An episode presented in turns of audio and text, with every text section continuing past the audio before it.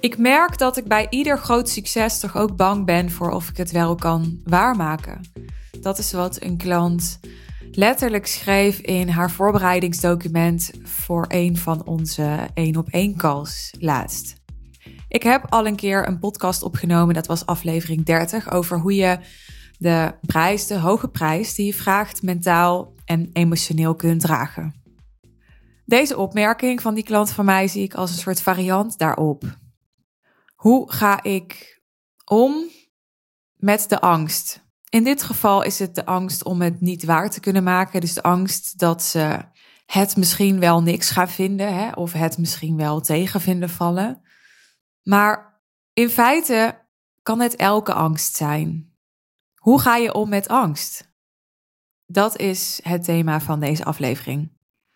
Om te beginnen wil ik een klein applausje voor je als je je al bewust bent van dat je bang bent. Ik denk dat dat al een hele grote, belangrijke stap is van bekwaam zijn. Wat ik bijvoorbeeld zie bij veel ondernemers is dat ze last hebben van stress. En dat is echt niet altijd zo als ze heel druk zijn. Je kunt ook last hebben van stress terwijl je feitelijk gezien misschien helemaal niet zoveel werkt. Uh, dat kan zijn omdat je je zorgen maakt over je cashflow. Uh, maar dat kan ook zijn omdat je klanten hebt die je niet heel veel energie geven, waar je stress van krijgt. Nou, iets wat ik heb geleerd over stress is dat daar angst onder zit. Maar dat is angst die we vaak nog niet herkend hebben, die we nog stress noemen. Van Louise Hay leerde ik: stress is eigenlijk angst. Iets wat vaak wordt gezegd over angst, het is een super bekende quote, je hebt hem vast wel eens voorbij zien komen, is: Feel the fear and do it anyway. En ik moet zeggen, het is een strategie die werkt. Ik denk dat ik hem vaak in mijn leven heb toegepast. Bijvoorbeeld, als ik een grote investering deed, dat kon ik echt best spannend vinden. Daar kon ik echt even buikpijn van hebben. En daar ging ik dan gewoon dwars doorheen. En als anderen daar dan van de buitenkant naar keken, dan hadden ze zoiets van: wow, jij stapt daar zomaar even overheen. Of jij doet het zomaar. Daar hadden mensen altijd heel veel respect voor. Later, toen ik uh, meer therapie ging hebben, meer nog aan mezelf ging werken, meer sessies ging hebben met mijn psycholoog, ging ik leren dat dat, dat even goed een overlevingsstrategie was van mij, die er misschien heel moedig uitzag, maar die helemaal niet veel heldhaftiger is dan iemand die in een hoekje bang gaat zitten zijn. Hè? Iemand die in een hoekje bang gaat zitten zijn, laat zich helemaal in beslag nemen door die angst. En ik maakte als het ware een sprong eroverheen. Door het gewoon te doen en niet te doorvoelen, er niet echt bij stil te staan dat ik bang was. Nou, ik denk dat dit ook het stuk is dat vaak verkeerd gaat, dus aanhalingstekens, als het gaat om feel the fear and do it anyway, dat we dat feel vergeten. Dat is wat ik vaak vergeten ben. Ik geloof echt dat het belangrijk is om angst te doorvoelen en het niet te willen bagatelliseren, er niet te veel boos over willen zijn naar jezelf toe dat je bang bent er niet te veel iets van te willen vinden, want dan komt er een oordeel en dan komt er ook boosheid, komt er ook teleurstelling. En als dat toch gebeurt, dan is dat ook oké. Anders ga je daar weer iets van lopen vinden. Dan zit je dus in een visieuze cirkel. Ik denk dat het belangrijk is om angst te voelen, maar dat is iets anders dan erin mee te gaan, er een verhaal van te maken. Het liefst wil je dat je doorziet dat je angst hebt, dat je angstgedachten hebt, maar dat je niet angst bent. En dat die gedachten er gewoon mogen zijn, dat daar niks mis mee is, dat die ook hun functie hebben, dat die je soms in het verleden ook ongetwijfeld hebben geholpen, maar dat ze niet de dienst uitmaken, dat ze ook niet eens per se waar zijn. Het zijn maar gewoon gedachten, zoals je elke willekeurige gedachte kunt denken. En net zoals het compleet idioot is, zou je kunnen zeggen, om te denken dat vanillevla rood is. Ik geef even een willekeurig voorbeeld. Zo kan het ook compleet idioot zijn dat jij gelooft in een of ander doemscenario waarvoor je bang bent. Maar ja, iemand die kleurenblind is en die denkt dat vanillevla echt rood is, die ga je ook niet lopen uitlachen dit is op dit moment jouw belevingswereld. En het beste wat je kunt doen, als je echt gelooft in een verhaal dat je bang maakt, is eerst gewoon eens dat gaan doorzien. Dat het een verhaal is en dat je er bang voor bent. En daar nog niks van vinden, dat nog niet willen veranderen. Maar gewoon dat doorzien, daarnaar kijken. Zodat je gaat voelen, ik denk dat verhaal, ik heb dat verhaal, maar ik, ik ben dat verhaal niet. Er zijn nog heel veel andere verhalen en daar kan ik ook voor kiezen. En ook al die andere verhalen, die ben ik ook allemaal niet. Want ik ben niet mijn gedachten.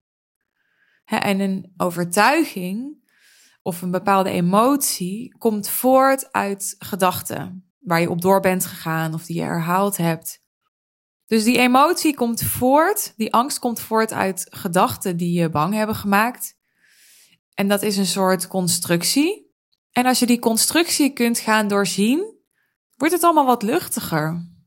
Een andere manier om met angst om te gaan, die ik deelde met mijn klant toen zij deze quote met mij deelde, is dat je er juist wel op doorgaat. Ik heb het net gehad over er niet een heel verhaal van maken. Maar soms is het ook interessant om het tegenovergestelde te doen en er wel op door te gaan. En juist te kijken of je bij het allergrootste doemscenario kunt komen dat je kunt bedenken. Je zult dan zien dat het enige waar we allemaal echt, echt, echt bang voor zijn, is om alleen dood te gaan. Dat is wat ik zei tegen mijn klant. Misschien kom jij ergens anders op uit. dat zou kunnen. Laat het me vooral weten. Ik ben oprecht nieuwsgierig. Maar het zelfonderzoek dat ik heb gedaan en wat ik ook van anderen heb gehoord, is dat dit voor ons allemaal het ultieme doemscenario is. We zeggen dat we bang zijn om geen geld te hebben. We zeggen dat we bang zijn om uh, familie of vrienden te verliezen. We zeggen dat we bang zijn voor ziekte, om niet meer gezond te zijn. We zeggen dat we bang zijn voor aftakeling, voor afhankelijkheid, noem het allemaal maar op. Maar uiteindelijk als je daarop doorgaat, waarom is dat erg om geen geld te hebben? Waarom is dat erg om mensen te verliezen? Waarom is dat erg om niet meer gezond te zijn? Waarom is dat erg om afhankelijk te zijn? Kom je volgens mij hierop uit dat het je niet veilig doet voelen. Veiligheid heeft volgens mij heel erg te maken met overleven, met die angst voor de dood. Even een side note. Ik ervaar zelf bijvoorbeeld echt helemaal geen angst voor de dood. Ik denk echt, nou, als ik morgen onder een bus kom, zo so be. Ik kan daar echt niet uh, ja, over piekeren of zo. Maar van Jan Geurt leerde ik dat we allemaal, dat schijnt iets uh, gewoon universeels te zijn in de mens, dat we allemaal bang zijn voor de dood. En mensen die het niet zo ervaren zijn vooral mensen die zich gedissocieerd hebben daarmee. Dus die, uh, die als het ware niet meer bij kunnen komen. Dus dat is misschien nog ontwikkeling voor mij. Nou, terug naar die angst. Ik vind het zelf heel bevrijdend om me te realiseren dat het enige waar ik dus echt bang voor ben in het leven is de angst om alleen dood te gaan.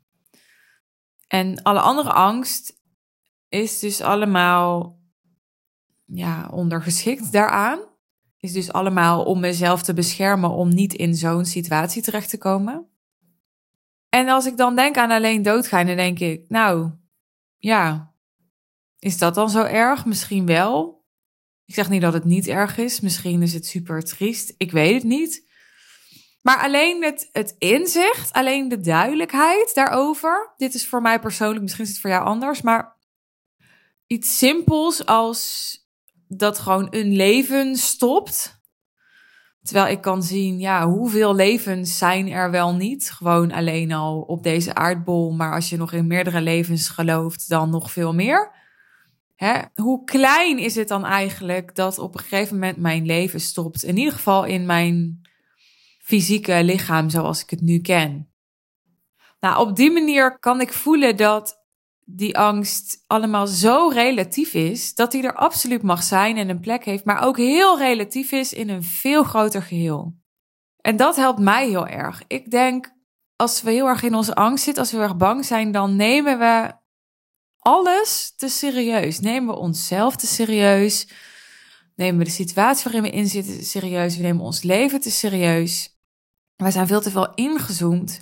We hebben nodig om weer te kijken naar in mijn geval het persoontje Suus, die maar één klein radartje is in een heel groot geheel.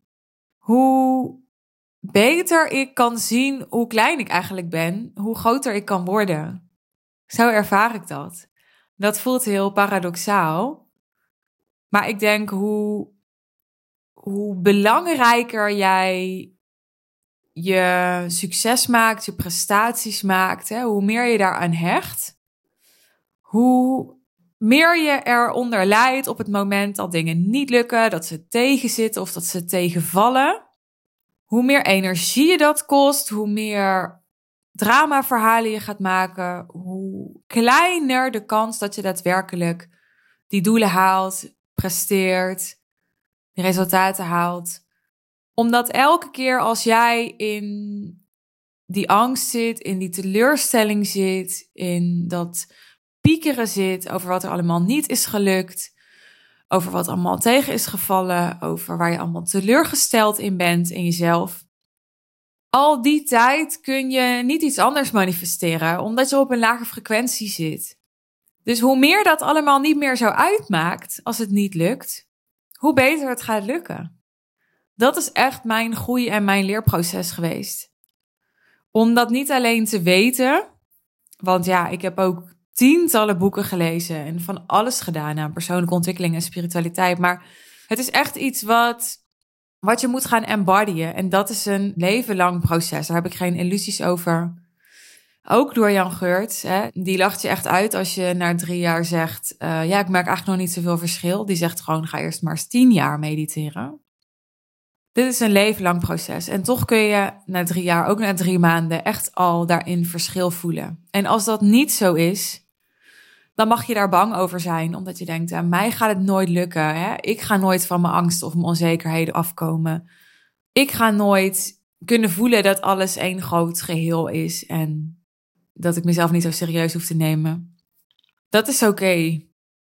Dat is oké.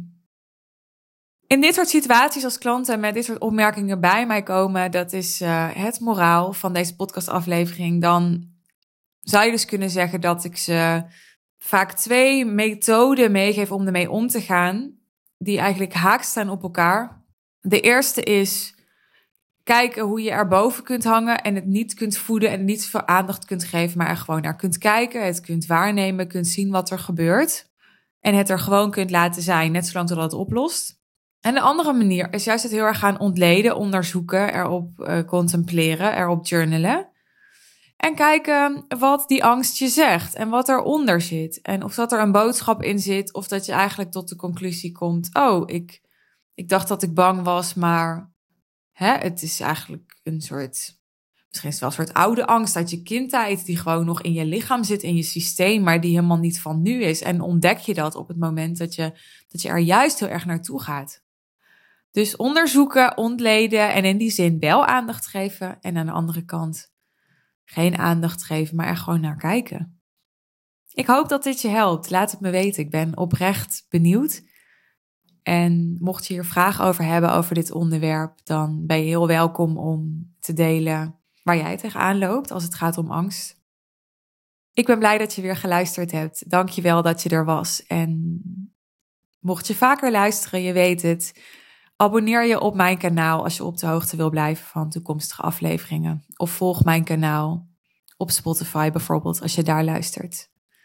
Ik wens je een hele mooie dag, avond, nacht, afhankelijk van wanneer je luistert. En heel graag tot de volgende aflevering.